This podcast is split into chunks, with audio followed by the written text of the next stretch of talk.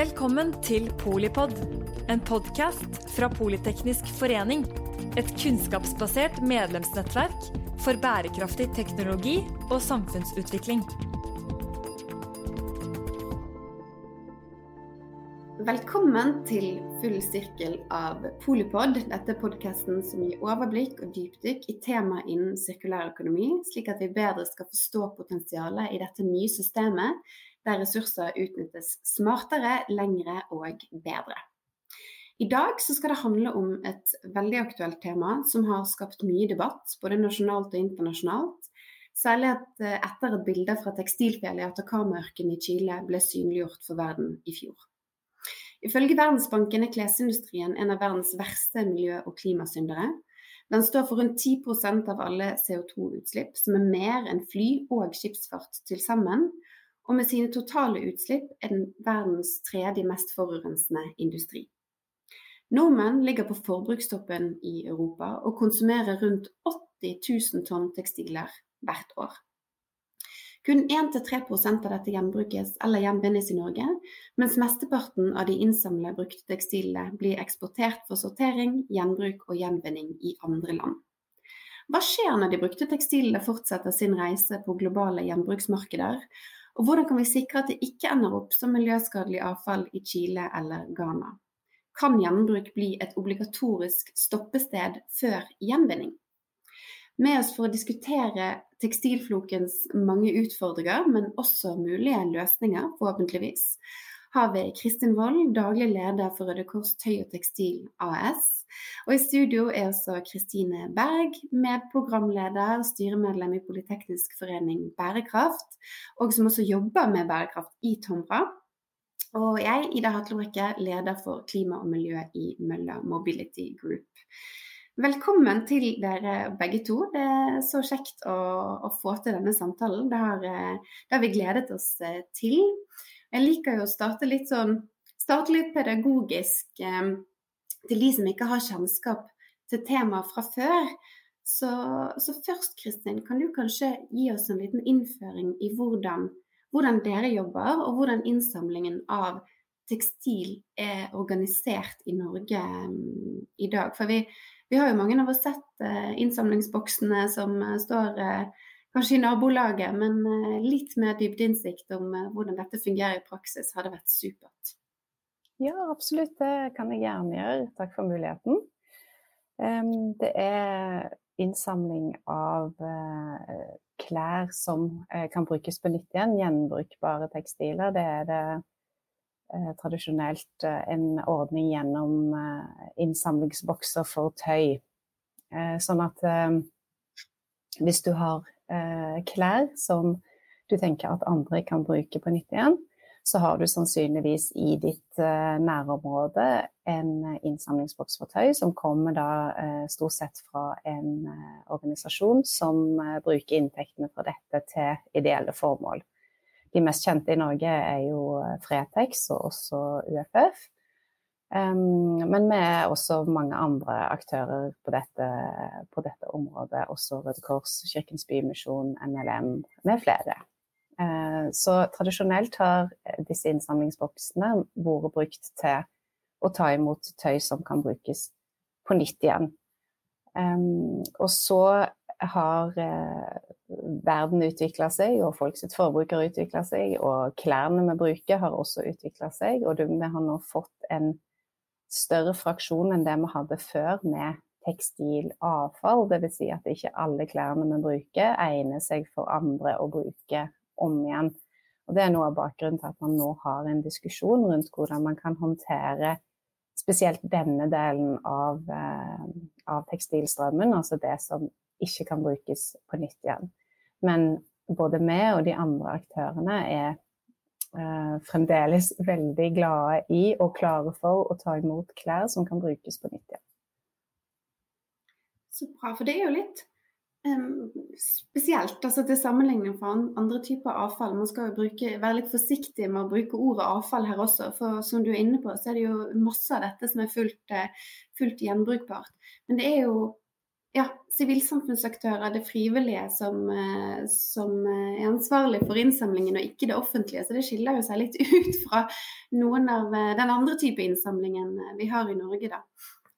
Hvorfor, hvorfor er det sånn? Er det, er det, historisk noe som gjør at, at denne gjenvinningen og innsamlingen er organisert på denne måten? Det har historiske årsaker, ja. Og du ser også mye av den samme, den samme ordningen i, i, mange andre europeiske land òg. Uh, og um, det handler nok i veldig stor grad om at uh, dette er gaver som folk gir videre. Og det har ikke vært ansett sånn fordi det ikke er heller avfall. Um, så det, det, har ikke vært en del av uh, diskusjonen som vi har hatt på andre uh, områder, og som, som, har blitt ansett som, uh, som, avfall, fordi det har blitt ansett som, og er i stor grad, gaver som folk ønsker å gi um, til da spesielt frivillige og ideelle organisasjoner.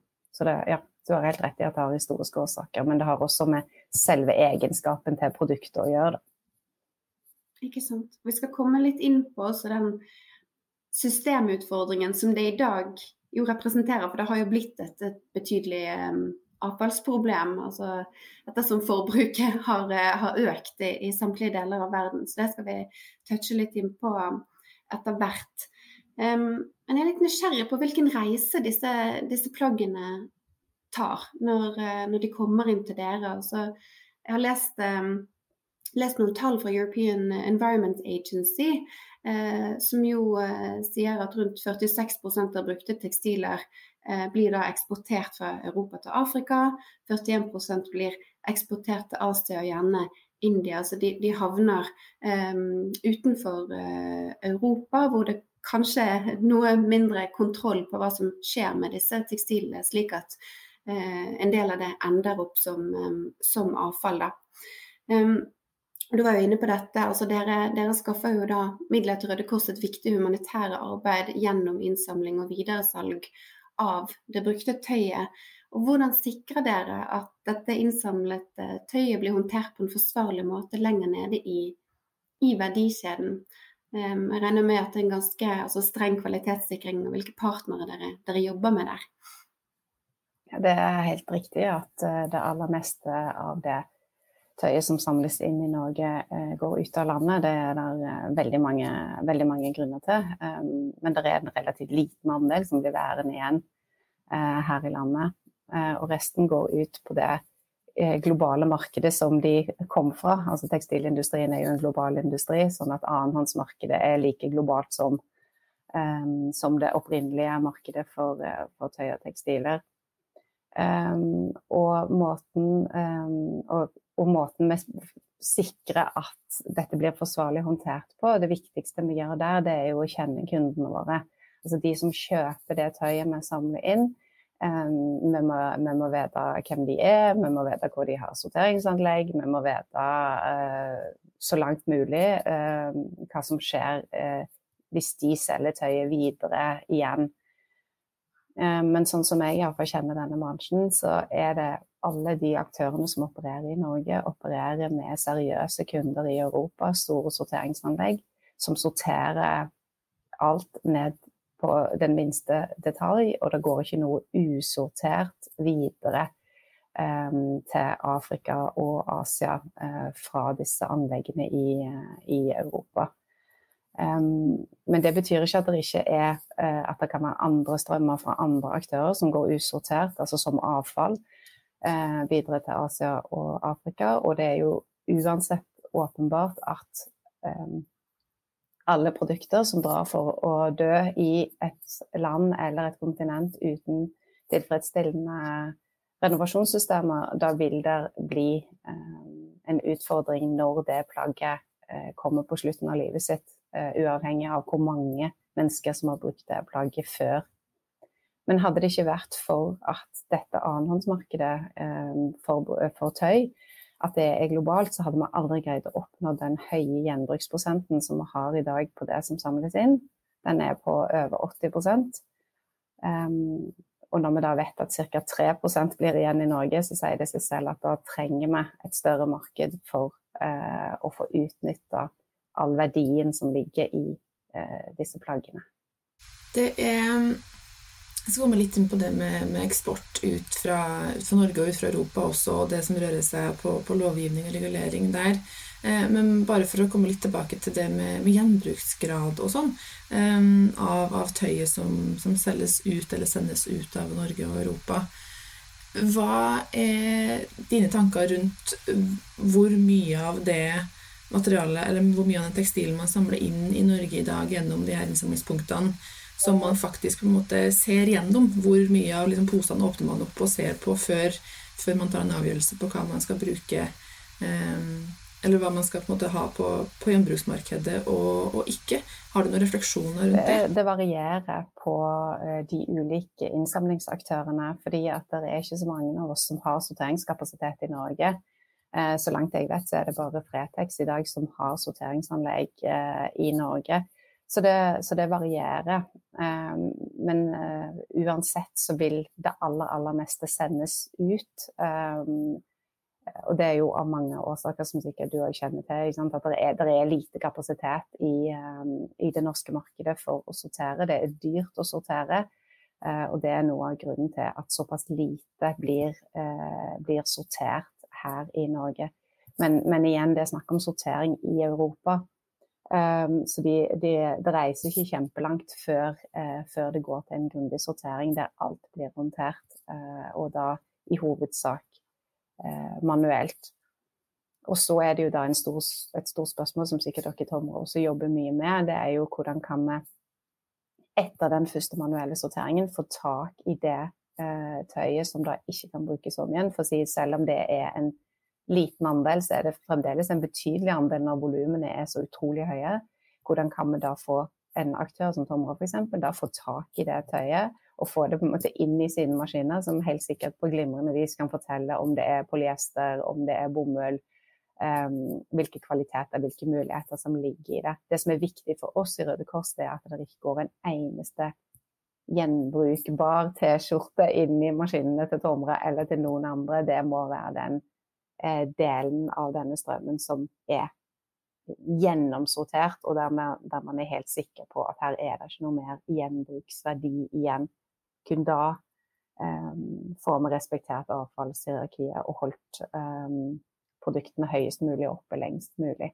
Jeg må bare si det at det, det er helt trygt for en gjenbrukbar T-skjorte å gå inn i en Tomra sorteringsmaskin. Den blir ikke ødelagt av det. Den kan fint komme ut på andre enden og selges som den er. Eh, men vi kan komme tilbake litt til det også på, på teknologien og på det perspektivet på verdikjeden og, og systemnivået der. Um, Ida, hadde du noen ja, du det var, Nei, jeg syns egentlig Kristin um, sine poenger også var et, et godt oppspill til, til deg, Kristine, til det neste spørsmålet. For det at dere leverer jo eh, verdensledende returløsninger og panteteknologi i Tom A. Og var jo også helt instrumentelle i det å bygge opp et, et økosystem. Liksom, pantesystemet. Det handler jo ikke bare om én teknologi som løser et problem, det handler jo om å, å få på plass et industrisamarbeid i stort. Og det er vel også det tekstil Eh, utfordringen og muligheten eh, som sådan også handler om.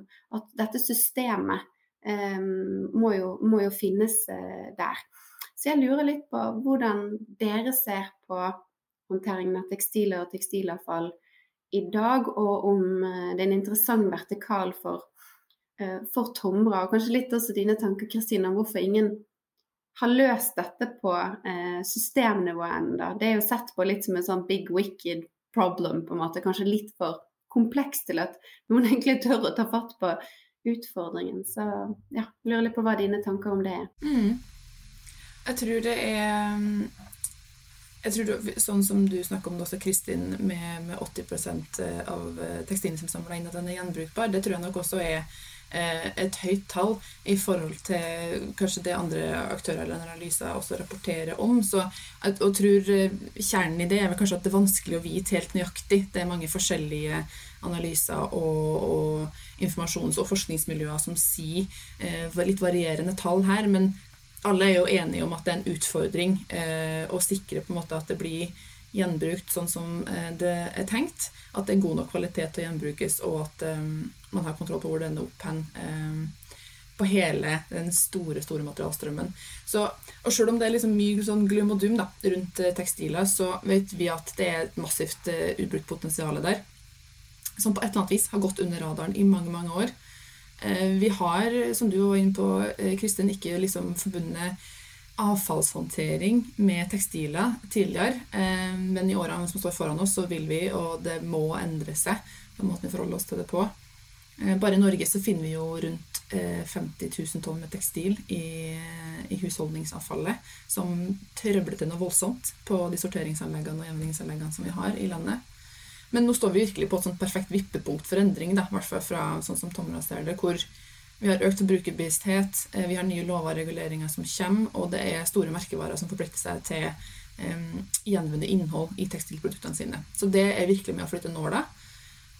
Men det er kun da gjennom samarbeid eh, som virkelig er nøkkelordet her, er samarbeid. At vi kan bygge det sirkulære verdikjeden for tekstil. Det er ikke én aktør, eller som du også er inne på, på Kristin, det er liksom ikke én innsamler som kan eh, ta ansvaret for hele verdikjeden. Det må flere aktører til for å, for å, lykkes med det.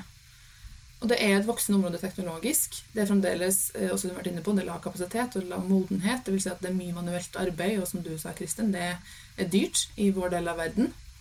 Vi i Tomra vi har faktisk verdens eneste så langt eh, fullstendig automatiske sorteringsanlegg for tekstiler i, i Sverige. Um, og vi satser på tekstilsortering. Som sagt så er det helt trygt for en gjenbrukbar T-skjorte å gå gjennom det sorteringsanlegget. Um, men det er viktig da, å lukke liksom, det gapet mellom hva er det man har av innsamla ja, materiale eller avfall, og det vi kaller feedstock, som er den råvaren av sortert materiale som er klart til materialgjenvinning. Og da snakker man gjerne om eh, på en måte makulerte fiber. Da. Og skal man ha det volumet man trenger for sirkulære, tekstils, for sirkulære tekstiler, så er man egentlig avhengig av automatisk sortering. Det er ikke eh, bærekraftig eller nødvendigvis riktig å gjøre det manuelt av mange grunner. Men en enkelt test man kan gjøre hjem, er å bare gå i klesskapet og sjekke på de plaggene man har hengende der, og på hva er bredden av materialkomposisjon. Hva er liksom blandingene man har i de forskjellige klærne. Eh, og det å prøve å tenke at man skal sortere det manuelt til nesten 100 eh, riktig materialstrøm, så, så, blir det ganske åpenbart at det er en utfordring. Kan du fortelle litt mer Kristine, om hvordan, altså hvordan den delen av verdikjeden ser ut i dag? Det har jo også vært så Norsk Gjenvinning var ute for et par år siden også eh, skinte lys på den, den, systemutfordringen dette her representerer. At vi ikke er rigget i Norge. Det finnes ikke eh, gode systemer og løsninger som og ikke minst altså Produktkvaliteten er jo en kjempeutfordring som du er, du er inne på. Så, så, hva er det egentlig som blir gjenvunnet? og hva skjer med det som ikke blir det? Ja, um, det, her var det mye å ta tak i. Uh, jeg kan jo bare begynne med å, dette, med dette, med hvorvidt det er trygt for denne T-skjorta uh, å gå inn i, i tomremaskinen. Så er, det helt sikkert trygt. det er helt sikkert et fint sted å være inne i den maskinen. Um, poenget mitt er at det er ikke trygt på veien dit, fordi kvaliteten forringes Eh, derfor er vi opptatt av å skille gjenbrukbart og eh, ikke gjenbrukbart så tidlig som mulig for å beskytte kvaliteten. Fordi det som behandles som avfall, det blir til avfall. Um, så, så, det var poenget mitt med det. Det var ikke meningen å shame tommelmaskinen, men det er sikkert super nice. Um, og når det gjelder det med, med den uh, altså manuelt og, um, og automatisk sortering, så tror jeg den manuelle delen, uh, det handler jo sånn som uh, sett herfra, da, så handler det først og fremst om å skille det som eh, har verdi i et annenhåndsmarked, og det som ikke har det. Um, for det, er disse sorteringsanleggene som vi bruker, de er veldig veldig gode på å sortere til de ulike markedene, og de vet uh, veldig godt hva som selger i en brukt butikk i Polen, de vet godt hva som selger, på et marked i Afrika osv. Så, videre. Så de, de, er veldig gode på å skille den biten der. Men når det gjelder det med eh, å sortere på fiberkvaliteter og sånn, så er jeg helt enig. Det er jo helt sånn det er jo helt glimrende hvis det er en maskin som kan gjøre det. Men det som jeg tror er vanskelig, er å få en maskin til å se om denne, eh, om denne her eh, tingen som jeg har foran meg her nå, vil den selge på eh, den og den bruktbutikken i Polen. Så der, der er det en, en, en, en, utfordring som gjør at jeg tror at litt avhengig av hvordan innstrømmen ser ut, så vil du måtte ha en manuell sortering på den biten før eh, alt går inn og blir lyst og finner ut av eh, hva de består av og, og, og, den typen, og, den typen, der. Og der ligger det et massivt potensial. Fordi eh, eh, sånn til spørsmålet om hva som eh, skjer med, med det som, som, går til gjenvinning i dag, er jo at eh, folk tror gjerne og ønsker gjerne å tro at, de da, at det faktisk er snakk om fiber til fibergjenvinning. Altså at det um, dras fra hverandre og settes sammen igjen uh, til tekstilprodukter. Og det er jo ikke det som skjer. Det er gjerne mekanisk uh, der man mekanisk skriver det fra hverandre. Og så bruker man det f.eks. som isolasjon, som fyllmasse i betong, til ulike former for industriformål.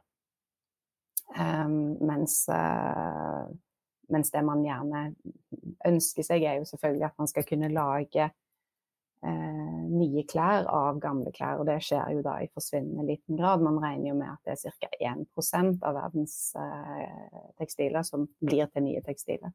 Resten som ikke kan brukes om igjen, eh, går til eh, altså downcycling, at det blir nedsirkulert til, til andre produkter som har en lavere verdi. Um, og det er jo flott at man kan bruke f.eks. gamle jeans, at de kan males opp og brukes som isolasjon. Det er jo helt tipp topp. Men det er jo ressursmessig galskap å produsere jeans for å legge de i taket på en bygning. Eh, da har man helt andre og mye mer eh, egnede prosesser for det. På samme måte som at det ikke er optimalt å ta plastflasker ut fra det kretsløpet som allerede er etablert for de gjennom panteordninger og den typen ting, og lage klær av plastflasker. Eh, de plastflaskene bør forbli i det økosystemet som de allerede er en del av, og som vi faktisk, i alle fall her, da, har fått til å funke.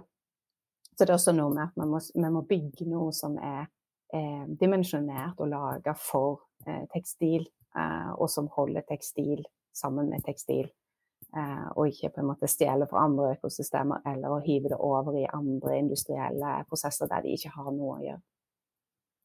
Mm. Endgame må jo være å liksom, lukke disse verdikjedene, for det representerer jo sånn som situasjonen er i dag, et, et enormt materialtap der, eh, der tekstil eh, ikke holdes ved, ved høy verdi og utevne, men ender som isolasjon, som du er inne på, Kristin. Eh, hadde du noen kommentarer på, på det, Kristine? Jeg vet jo at dere også er opptatt av at materialkvaliteten må jo være av en viss standard for at sorteringen også skal kunne bli best mulig i, i deres teknologi. Absolutt. Eh, og det er jo Når man liksom, tenker på eh, manuell sortering versus automatisk sortering, så snakker man jo om Ofte så vil det kanskje foregå i samspill eh, når man rigger de systemene til, men når man snakker om det volumet man trenger for å trigge sirkulære verdikjeder på skala, for å liksom lage den industrien og for å sikre at man kan faktisk gjenbruke mye av det eh, materialet som i dag måte, man kan hente inn da, i, i lukka, lukka løp, så er det, ser vi i hvert fall for vår erfaring, at det er en, en helt essensiell nøkkel inn mot, uh, inn mot, å utløse det ettermarkedet. At det blir attraktivt når man har forutsigbar kvalitet og forutsigbare volum på det.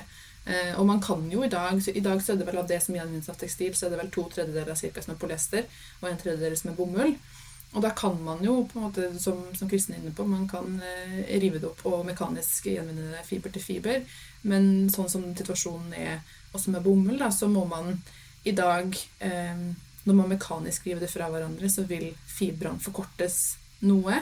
Og da må man også tilsette eh, det man kaller da jomfruelig altså ny bomull fra bomullsproduksjon, eh, for å lage det gjenvunne materialet. Så det, eh, det er ikke så det er ikke så rett frem og enkelt alltid på hvordan man skal forstå de her produktene på andre enden når man skal kjøpe det, men, men det er definitivt et marked som, som man bør uh, ta på alvor. Uh, sånn som du var inne på, uh, Kristin, så er det omtrent 1 av det vi ser i dag, som går til materialgjenvinning, altså som er på en måte en lukka, et lukka system. Og det representerer jo et årlig tap av verdi på mer enn 100 milliarder dollar. Så det er en kjempeverdi her som, som man må fange opp. Og da er det viktig at man designer også klær for gjenvinning, for lang levetid, at man bruker dem og er glad i dem lenge. og at det også er solide produkter og materialer som tåler gjenbruk, og som tåler gjenvinning. Det er jo eh, besnærende at det er ganske mange plagg som, som selges i dag hvor det står, eh, står 'recycled'. eller uh, 'sustainable' eller um, 'conscious', eller ikke for å henge ut enkeltaktører, men, uh, men uh, som dere er inne på, hvor det er en bekymringsverdig liten prosentandel av det plagget som, som egentlig kommer fra gjenbrukte materialer, og kanskje er det også plast- og, og PET-flasker som, som, finnes i det plagget, mens det kunne vært tekstiler. Så det er jo en ja, type grunnvaskingsproblematikk som vi har sett mer og mer av i, i de siste årene. Ehm, vi skal zoome litt eh, inn her, eh, Kristin. For man har jo sett noen nyhetsoppslag, ehm, hørt noen nødskrik fra, fra bl.a. Fretex og andre innsamlere som ehm, tidvis har vært overbelastet. Så med enorme mengder eh, tekstiler som oversvømmer disse, disse mottakene. Og Du er jo veldig tydelig på at det er gjenbruk som, som er svaret. Men hvordan kan man sikre at det skjer på en, en forsvarlig måte? Du har vært litt inne på det. Eh, men, men, hvorfor er det faktisk mer miljøsmart enn en fiber-til-fiber-gjenvinning? Eh, og, og, hvilke tanker gjør dere rundt manuell sortering og situasjonen sånn som det er i dag, um, i lys av det økende fokuset på sirkulære verdikjeder for tekstil, som Kristine har vært litt inne på her? Ja, jeg kan jo starte med det, med det siste, med, med, de mulighetene som ligger der på, på sortering. Jeg er veldig glad for at, at uh, industrielle aktører som Tomra eh, går inn på dette og ikke minst uh, altså går inn på dette området og ikke minst understreker behovet for at ting må opp i skala. fordi det er jo stadig, Vi hører jo stadig gladnyheter, vi hører jo stadig dårlige nyheter òg, men det er jo stadig nyheter med noen som har fått til å lage, lage et eller annet. men det er så bitte smått eh, opp mot de voldsomme eh, volumene vi snakker om her, og de skalaen på de løsningene som, er, som trengs. Eh, så Derfor er det kjempefint at, eh, ja, at forriktige store industrielle aktører går inn her og, og, ser forretningsmuligheter, og ikke minst er med på å bygge det ettermarkedet som, det er, eh, som ble nevnt her. Fordi hvem skal kjøpe de produktene som kommer ut i andre enden?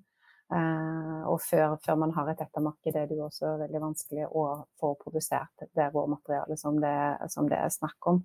Um, så det, det, er jo, det er jo kjempe, kjempeviktig. Um, og så, ble også, så, ble det også, nevnt dette med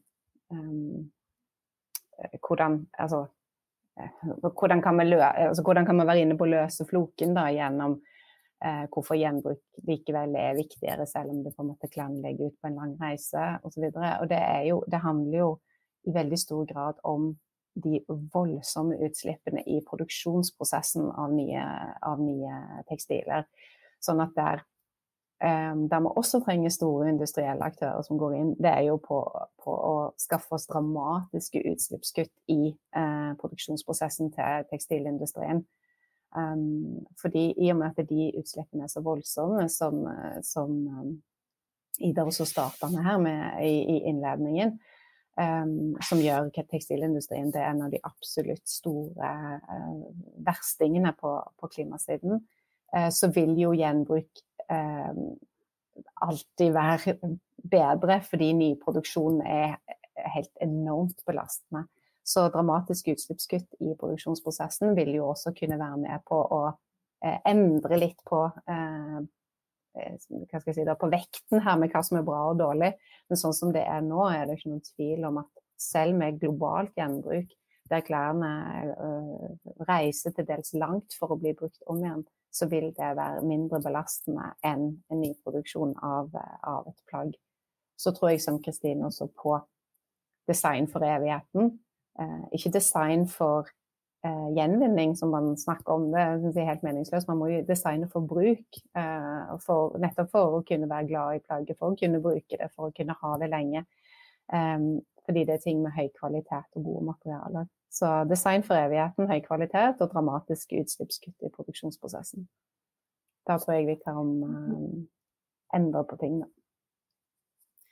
Det er vel også et aspekt som handler om forbrukerbevissthet eh, her, selv om man ikke skal legge altfor mye ansvar over på forbrukerne. Det, det, dette er en mangefasettert utfordring som også handler om dette produsentansvaret og ansvarlighet i den delen av verdikjeden. Design for evigheten, som du sier. Men er jo, vi er også litt eh, enkle dyr iblant. Det er fryktelig enkelt å lempe en sånn pose eh, ved en innsamlingsstasjon, og så går du på nettet og så kjøper det, du deg noen nye lavkvalitetsplagg som brukes en gang, og som man kan bare eh, putte i en pose og, plassere ved boksen ved neste gang. Der er det jo også en, eh, en holdningsendring som, som må til, i at forbrukere også insentiveres til å ja, velge til å både forbruke mindre, men også når man eh, først forbruker, forbruke tekstiler og plagg av, av, med lengre levetid. Eh, og av kvalitetsmaterialer, da. Ehm, Kristine, du nevnte jo litt dette med, med, at det er en betydelig andel av tekstilet som, som havner i restavfallet. Tekstilpant er jo eh, ett virkemiddel som, som, har blitt eh, løftet frem for å få tekstiler tilbake i, i kretsløp. Hva tenker dere om, om, dette, om eventuelt andre innretninger eller virkemidler som enten belønner eller straffer på riktig måte, sånn at tekstilene holdes i bruk eh, lengst mulig? Der også produsentene som vi har snakket om, insentiveres til å prioritere økt holdbarhet og, og, kvalitet. Man har jo selvfølgelig hørt om extended producer responsibility, men nå har jo også targeted producer responsibility blitt, eh, blitt løftet frem. Har dere noen eh, tanker og refleksjoner rundt virkemiddelbruken her? Ja, altså vi jo, har jo veldig mye erfaring, vi har faktisk 50 års erfaring med, med pant eh, som, som insentiv. Og det er klart at det er av det som fungerer aller best, fordi komme igjen tilbake til samarbeidet. Når du har en sånn type lovgivning da, eh, med produsentansvar, så eh, får du på en måte alle de relevante aktørene til bordet og enes om en, om en ordning som man finansierer gjennom et skattesystem, og som kan da bidra til å levere eh, høye innsamlingsrater, og høye gjenvinningsrater av materialet. Så det er klart at vi har erfaring med at et system sånn som produsentansvar, vil være veldig, veldig effektivt. Um, og så har jo da uh, MEPEX, et forskningsinstitutt, har også gjort en studie i seks kommuner i Norge på separat innsamling av gjenbrukbare og gjenvinnbare tekstiler, hvor det da er på oss som forbrukere å sortere de to fraksjonene. Og resultatene derifra viser så langt at store volumer feilsorteres. Det er for så vidt en gjenganger i husholdningsavfall eh, gjennom hele Europa. Så spørsmålet ble da hvordan fanger vi opp det gjenbrukbare, hvis vi snakker om et system på, på, skala. Og det er jo veldig viktig for å passe på at vi ikke sorterer, feilsorterer tekstil som avfall. Og at eh, Som i dag er, er, store kvanta av. Så vi mener absolutt at, at produsentansvar i en eller annen variant er veldig veldig viktig for å være med å bygge den sirkulære verdikjeden. For da bygger du det fra, fra produksjon eh, til materialgjenvinning. Ja, jeg er helt, eh, helt enig i det. Um, og, men òg uh, Det er også viktig at vi ikke kaster ut eh, babyen med badevannet her. Fordi vi har innsamlingsordninger for gjenbrukbart tøy som fungerer veldig bra i dag, og som også har fungert gjennom veldig mange, veldig mange år. Uh, og så er det det å finne en god løsning for det som i realiteten er tekstilavfall, um, og hvordan vi kan løse det og ikke minst få det ut fra restavfallet, som dere er inne på. Der, eh, der kan helt sikkert utvida produsentansvar eh, bidra inn i den, eh, inn i den prosessen. Mm. Det var faktisk det vi rakk for denne gang. Men jeg syns vi klarte å belyse dette temaet fra, fra flere ulike innfallsvinkler. Så jeg vil takke deg, Kristin, for en, for en god samtale. Også deg, Kristine. Eh, og for de som ønsker å lytte til denne episoden, så finner dere Polipod og, og sånn sett Full sirkel-serien på Spotify og alle andre steder hvor du finner eh, dine podkaster. Og glem heller ikke å følge Politeknisk forening for innsikt og inspirasjon om bærekraftig teknologi og eh, samfunnsutvikling. Jeg vet at du Kristin, er engasjert i, i, dette temaet og er en del av, av, samfunnsdebatten rundt dette, så det vil sikkert ikke bli det siste vi hører om viktigheten av, av gjenbruk. Så tusen takk for praten, og eh, vi høres. Takk for at du lyttet til Polipod fra Politeknisk forening. Få med deg flere episoder, eller bli med på nettverksmøtene som du finner på at polyteknisk.